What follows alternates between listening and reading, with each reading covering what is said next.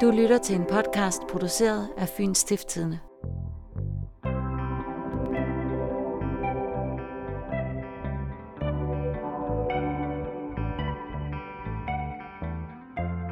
Det her er andet afsnit af Stop Stenkasteren. Hvis du ikke har hørt det første afsnit, så tag lige at høre det først. Så giver det lidt mere mening, det du skal til at høre nu. Som du måske allerede ved, så er vi på jagt efter nye spor, så vi kan få sat en stopper for stenkasteren fra motorvejsbroerne. Han har allerede et liv på samvittigheden. Det er næsten to år siden, hans stenkast brutalt satte en stopper for en lille tysk families ferietur. Moren blev dræbt, faren hjerneskadet. Og stenkasteren, han er stadig på fri fod.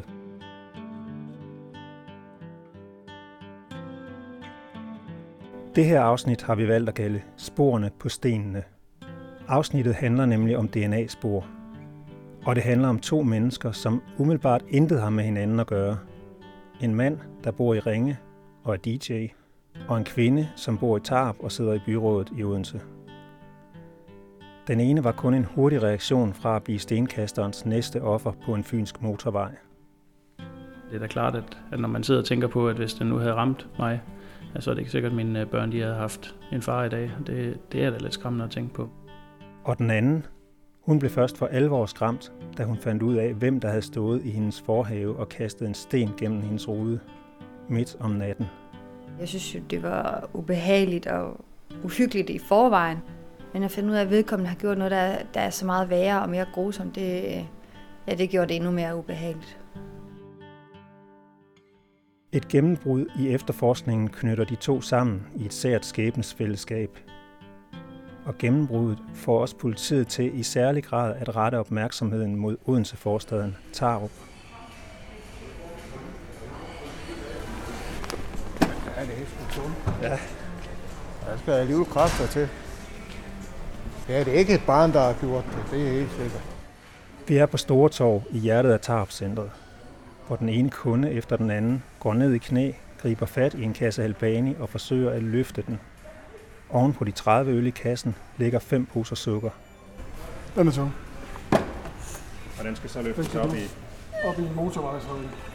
Det kan jeg ikke. Okay, ikke, så det er ikke dig, der har gjort det i hvert fald. Ja, den er mere end rigeligt tung.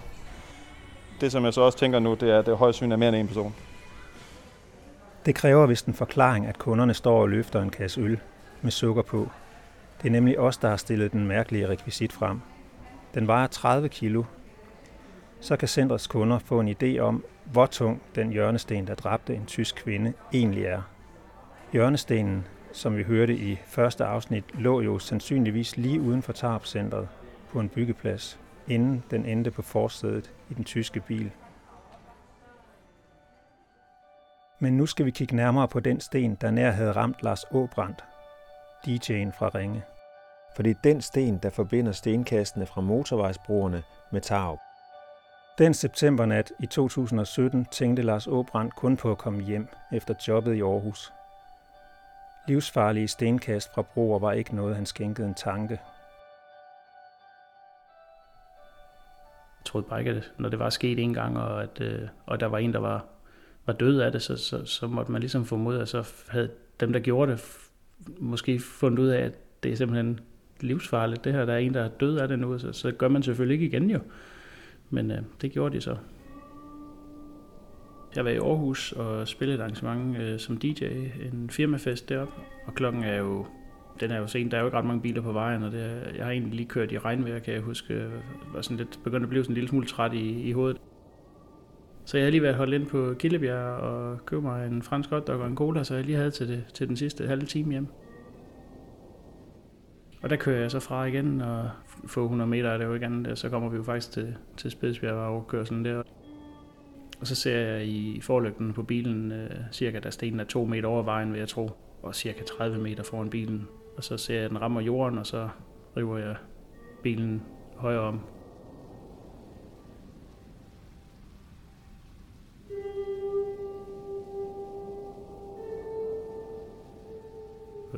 Den, den havde landet cirka, jeg tror cirka ud for, for lige nøjagtigt, hvor jeg sad, så hvis den var kastet rigtigt, så havde den formodentlig ramt direkte ind igennem ruden og ned i skødet på mig. Før jeg overhovedet overholdt stille, der har jeg allerede ringet, øh, ringet 114 og havde sat hastigheden lidt ned, men jeg var jo ikke holdt ind til siden endnu. Så det var faktisk det næste, jeg så lige gjorde, imens jeg ventede på, at jeg kom igennem til vagthaven, og så, øh, så parkerede jeg jo inde i nødsporet. Men øh, jeg kan huske, at jeg kiggede op i bagspejlet, fordi jeg havde lige overhældt en lastbil blandt andet, og kunne se, at, øh, at den lastbil der, den også lavet en, en undvig på den sten der, så jeg kunne se, at han var helt ude i midterrabatten, og så helt over i, i den anden side, og så så det ud, som om at han kørte ind til siden. Og der snakkede jeg så med politiet imens og fortalte også, at jeg kunne se, at der var en lastbil, der var kørt ind til siden der. Og så går der lige et øjeblik, før man sådan lige finder ud af, hvad det egentlig er, der er sket. Jeg vidste godt, det var en sten, der var røget ned. Det var jeg slet ikke i tvivl om, men det samme var jeg heller ikke i tvivl om, at det var en, der havde kastet. Jeg var ude at se øh, stedet, hvor det skete øh, på et tidspunkt, og der, der stod vi op på broen og, og ligesom for at finde ud af, hvor det egentlig skete hen, hvad det egentlig der er sket, at den røget ned på den ene eller den anden side. Og, og så gik vi jo selvfølgelig og kiggede på rækværket, og vi kunne se på øh, den side, jeg kom fra, der modsatte side af broen, der var der simpelthen nogle riser i rækværket, hvor man kan se, at stenen den har, har kuret den over rækværket for at blive skubbet ud over kanten. Og så øh, kigger man ned på motorvejen, så er der jo et hul på et par centimeter dybt hul, altså meget tydeligt at se op fra broen, hvor der er stenen den har ramt, så der, der har været smæk på, da den har, har faldet ned. Jeg har så efterfølgende fået at vide, at det var en, en stor sådan marksten eller sådan noget. Når man sidder og tænker på, at hvis den nu havde ramt mig, så er det ikke sikkert, at mine øh, børn de havde haft en far i dag. Det, det er da lidt skræmmende at tænke på.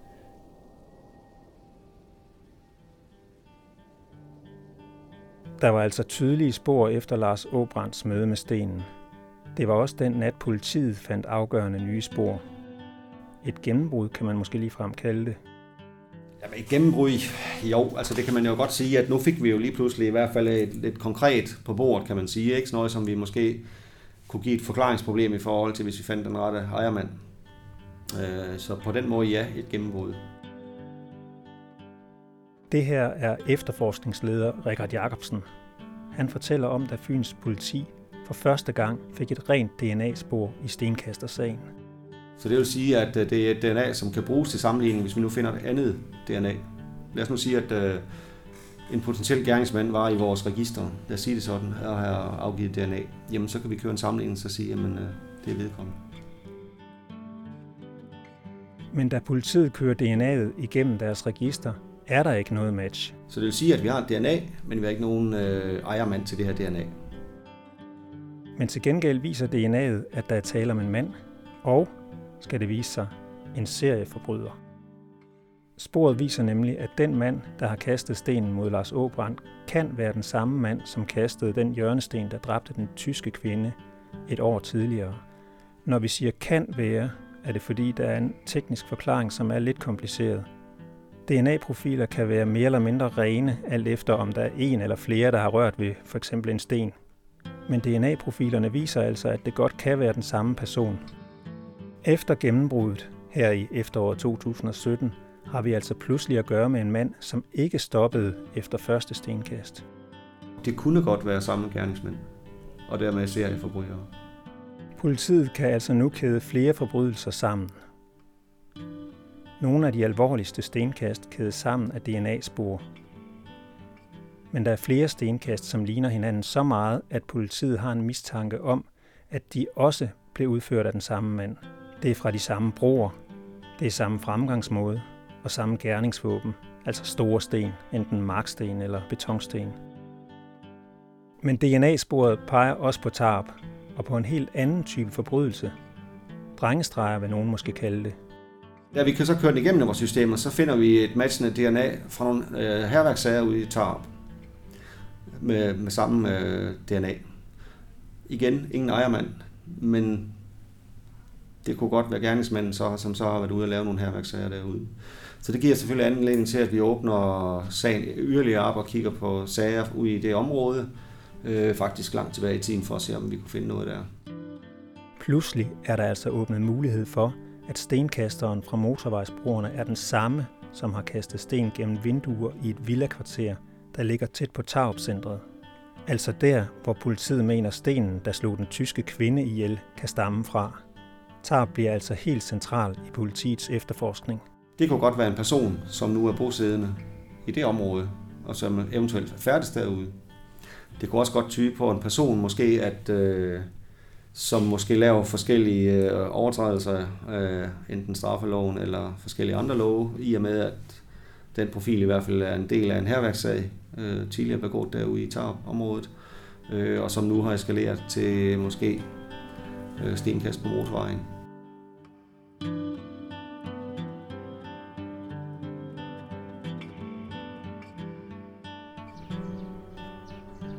Vi er taget ud i det vilde kvarter i Tarp, hvor flere beboere har fået kastet sten gennem vinduerne. Hvad er det så for et kvarter herude i Tarp, hvor der er blevet kastet sten ind af vinduerne hos helt almindelige mennesker? Sten, som det har vist sig, rummer de samme, eller har de samme DNA på sig som stenene, der blev kastet ned på motorvejen. Blandt andet den sten, hvor en tysk kvinde mistede livet ude ved broen på Lange Søvej. Den gamle del af Tarp, tror jeg, man kalder det. Gamle murmestervillager, der er flag ude efter weekendens konfirmation måske. Og, og nede for enden af Bakkevej her, der er der en børnehave og, og en rideskole. Det er et kvarter, hvor, det, hvor alle de tre veje, der er blevet ramt af stenkast, er bundet sammen med små stier. Helt lille stisystem, der lige så fint binder Bakkevej og Jernbanevej og Tarpvej sammen. Der vil man altså let sådan i natten smule, hvor mørke kunne gå ud og kaste en sten ind ad vinduet og måske hurtigt løbe væk. Men faktum er altså, at der tre gange er blevet kastet sten ind ad vinduerne. Den ene af dem er det med Lene, Ambo Rasmussen, som Tommy er inde og snakke med lige nu.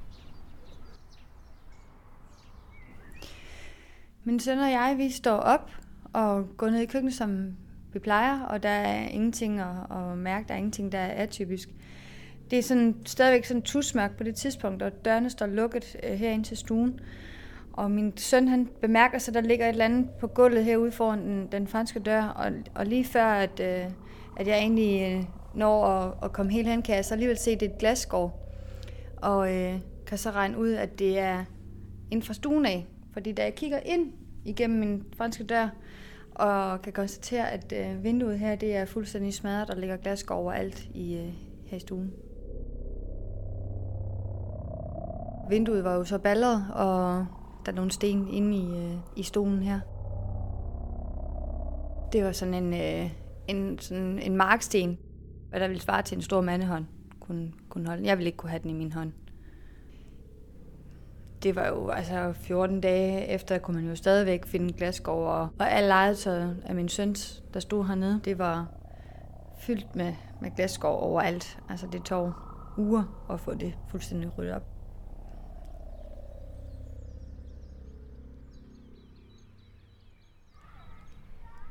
Der er til ikke så mange hjemme her på Bakkevej sådan en formiddag. Jeg tror, jeg må til at ringe lidt på dørene. Det kan være, jeg er heldig.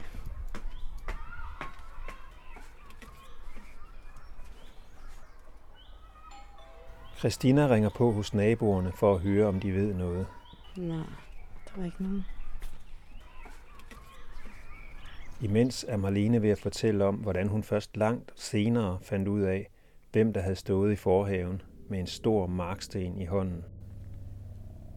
Jeg får jo sådan en samtale med politimanden, hvor han jo fortæller mig, at, øh, at øh, den eller de personer, der har været forbi her øh, og udøvet herværk, at det så er, er direkte koblet til, til motorvejssagerne og til, til motorvejsdrabet. Og det er jo hammerne, hammerne ubehageligt. Altså, at finde ud af, at den person, der har været her, jeg synes jo, det var ubehageligt og uhyggeligt i forvejen, at der er nogen, der kan finde på at kaste med sten ind gennem vinduerne, når man ikke ved, hvad, hvem eller hvad der er inde på den anden side. Men at finde ud af, at vedkommende har gjort noget, der, der er så meget værre og mere grusomt, det, ja, det gjorde det endnu mere ubehageligt. Det gjorde mig jo bange, og det gjorde mig vred. Altså, blev frustreret over, at der er nogle mennesker, her i Odense, her i Danmark, der kan finde på noget så vanvittigt. Altså, og det, det gør en rigtig bekymret, når man jo netop har småbørn i huset. Det er, jo, det er jo altid det, man som forældre vender tilbage til, det er, at ens børn skal bare være sikre.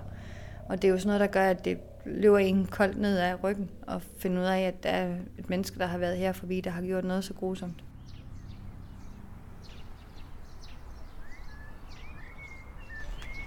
Så prøver jeg lige en gang til her i det her gule hus og lige se. Der er et vindue åbent. Måske er jeg heldig.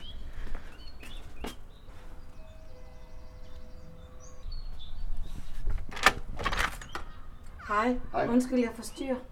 Jeg kommer fra Fyns Stifttidende. Okay. Vi er ude og, og snakke med folk herude i området, Okay. fordi at der har jo har været kastet sten ind ad vinduerne her for et stykke tid siden, godt nok efterhånden. Ja, for forfærdeligt noget. Kender du nogen af dem, der har fået kastet sten ind? Nej. Og dog, fordi øh, en dag, så kom min kone fra arbejde, og så siger hun, jamen der har været en masse henne på vejen, om I ikke har set det. Okay. Fordi der var en eller anden, der har fået kastet sten ind, hvis nok fra baghaven, og på den anden side. Tænker du sådan, at det kunne være nogen herfra, eller hvad?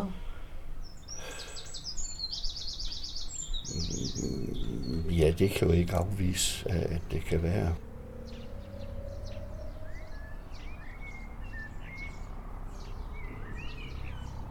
Man bliver jo mere, man bliver jo mere mistroisk. I, I tiden efter, der kan man ikke undgå andet, end man, hvis en person kigger ekstra på en, eller hvis folk kører forbi ude i, forbi vores forhave og bremser op og kigger ind, så kan man jo ikke undgå at tænke, hvorfor?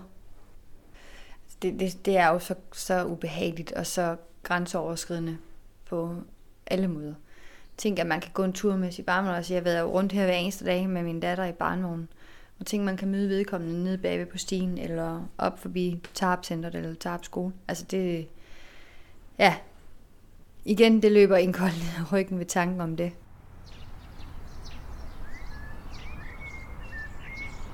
Så fik jeg snakket med Hans Jakob Larsen. Han går også og spekulerer lidt over, hvem det dog egentlig kan være, det er, der kan finde på sådan noget, som at kaste sten ind af ruderne her på Bakkevej og Jernbanevej og Tarpvej. Og så også ude på motorvejen. Det virker underligt, synes han. Ligesom øh, mange af naboerne sikkert gør.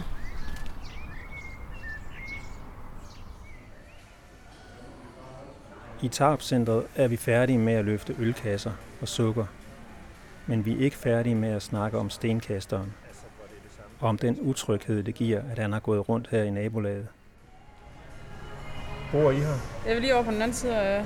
Jeg bor lige herovre, Okay. okay. 500 meter herfra. okay. Så men det er lidt uroligende. Jeg har taget min datter ind i soveværelset en aften, fordi det der med de der, hvor de kaster sten ind og vinduet, jeg slet ikke have det.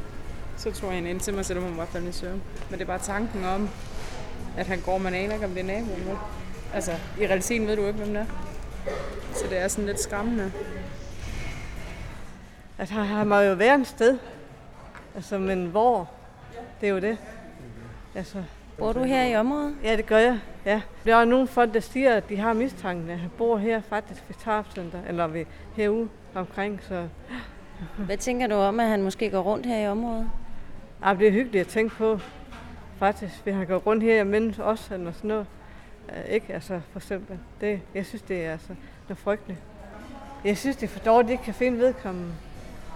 Det er ellers er. Fordi de har fundet den der æske der, med, med den der, hvad hedder den, øh, snus der. Ja, i forretten her i Odense. Faktisk, ja. Som Bodil lige sagde, så er der endnu en ting, der peger på Tarp. Nemlig en snustobakdåse, der blev fundet på broen den aften, den store marksten næsten ramte Lars Åbrandt. På selve broen, på det vestlige gelænder, der bliver der fundet bunden af en snusdåse af mærket Ink, og på asfalten tæt på det vestlige gelænder, der ligger låg til den her omve- øh, omhandlende snusdåse. Og efterfølgende så bliver der også i det her lille rum i låget på snusdåsen, øh, ved aftørring, kan man sige, det er der, hvor du så sikrer den her DNA-profil, fundet en øh, fuld DNA-profil. Og den øh, profil, den tilhører en person af hankøn, men ikke kendt i DNA-registret. Så de her to fundne DNA-profiler, de tilhører ikke samme mandsperson. Politiet fandt altså ikke blot én DNA-profil den nat, men to. Blandt dem, vi møder i Tarp-centret, er det den almindelige opfattelse, at den dåse snus, Strong Ink Original hedder den, er købt i Tarp-centrets kiosk. Der hersker også en generel opfattelse af, at Tarp-centret er et af de få steder, man kan købe ink-snusen. Men er det nu også rigtigt? Efter at have været ude på Kildebjerg Resteplads i sidste afsnit, blev vi nemlig i tvivl. På tankstationen snakkede vi med Morten Lassen, som du måske husker, og han fortalte en anden historie. Øh, altså politiet har jo selvfølgelig været forbi her et par gange efterhånden jo, og, og fundet, hvad hedder det, materiale på videoovervågning og så videre. Øhm, de snakker meget om den tobaksæske også, som blev fundet. Øh, ink tror jeg, den hed øh, noget har vi jo solgt herude. Øh, vi sælger ikke mere, men vi solgte det i den periode, hvor det skete. Øh, så, så det har de også været lidt interesseret i, at måske kunne holde øje med, jamen, hvem har egentlig købt den tobak, der siger, men der er jo rigtig Man har altså kunne købe denne snus på Kildebjerg.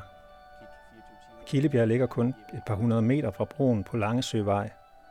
Og det er jo den bro, hvor stenkasteren har kastet i hvert fald tre gange. Vi spørger derfor efterforskningsleder Richard Jacobsen, om snustobakken er et spor, der peger på tarp eller ej. Vi aner faktisk ikke, hvor den her tobak den øh, bliver købt. Øh, den bliver forhandlet rigtig mange steder. Øh, så, og formentlig også ude i Tarp-centret. Et eller andet sted i en kiosk derude øh, bliver den også forhandlet. Men det er ikke nødvendigvis gør, at det er en og samme gerningsmænd, der, der har købt den. Jamen jeg tror, at alle lige så kan købes rigtig mange øh, af de her tankkiosker, der ligger langs motorvejen, og, jamen, og formentlig også mange andre steder også. Det er i hvert fald det, som, som vi er kommet frem til. Okay, Snustobakken kan altså pege i alle mulige retninger, og det er slet ikke sikkert, at den er købt i Tarpcenteret. Nu er det om at holde tungen lige i munden, for der er mange ting i spil. Lad os prøve at snøre sækken sammen om de ting, vi har lært i det her afsnit. Fra DNA-sporene ved vi, at vi leder efter en mand. Vi ved også, at han sandsynligvis har kastet mange sten mod Lars Åbrandt og andre, der kører på motorvejen – og gennem Marlenes og hendes naboers termoruder i Tarup. Han har ikke bare kastet før den tyske kvinde blev dræbt. Han er fortsat efter hændelsen er blevet udpenslet i aviser og på tv. Og han gør det altid om natten. Er han fra Tarup? Det ved vi ikke. Men herværket i villakvarteret tyder i hvert fald på, at han kender bydelen ret godt. Og som du måske husker, så stammer hjørnestenen formentlig fra en byggeplads ved netop Tarpcentret. Endelig er der noget, der tyder på, at stenkasteren ikke er alene om det. I hvert fald har politiet sikret to forskellige DNA-spor. Det ene på flere sten. Det andet kun på dåsen med snustobak. Desuden har politiet fortalt os, at vidner har set to skygger på motorvejsbroen i forbindelse med et af stenkastene – og som du kunne høre på kunderne i tarp er 30 kilo meget at løfte over et gelænder for en person. Her til sidst husker du den sjældne Volvo fra første afsnit. Den leder politiet stadig efter. Det er en Volvo 245 stationcar. Den er grå eller mørk, og den er blevet set af flere vidner. Men har den her mørke Volvo overhovedet noget med stenkasten at gøre? Og lige da jeg kommer op med motorvejsbroen, der kan jeg se, der holder en bil med tændte lygter eller kan der være andre interessante biler i spil? Det er en rød Renault, og jeg får de fem første cifre af nummerpladen. Og så skynder han sig ellers bare nærmest at køre over Middelfartvej, næsten uden at kigge sig for, og bare brage af. Og det synes jeg, det virkede ret mistænkeligt. Det kan du høre mere om i næste afsnit. Indtil da vil vi meget gerne have tips fra dig. Vi må sammen finde frem til stenkasteren. Har du et spor, en mistanke eller en teori, så ring og læg en besked på vores telefonsvarer 63 45 25 05. Du kan i øvrigt komme med idéer og følge med i vores arbejde ved at melde dig ind i Facebook-gruppen Stop Stenkasteren. Podcasten er tilrettelagt og redigeret af Christina Lund Jørgensen, Anna Hjortsø og jeg hedder Tommy Bøen. Vi lyttes ved.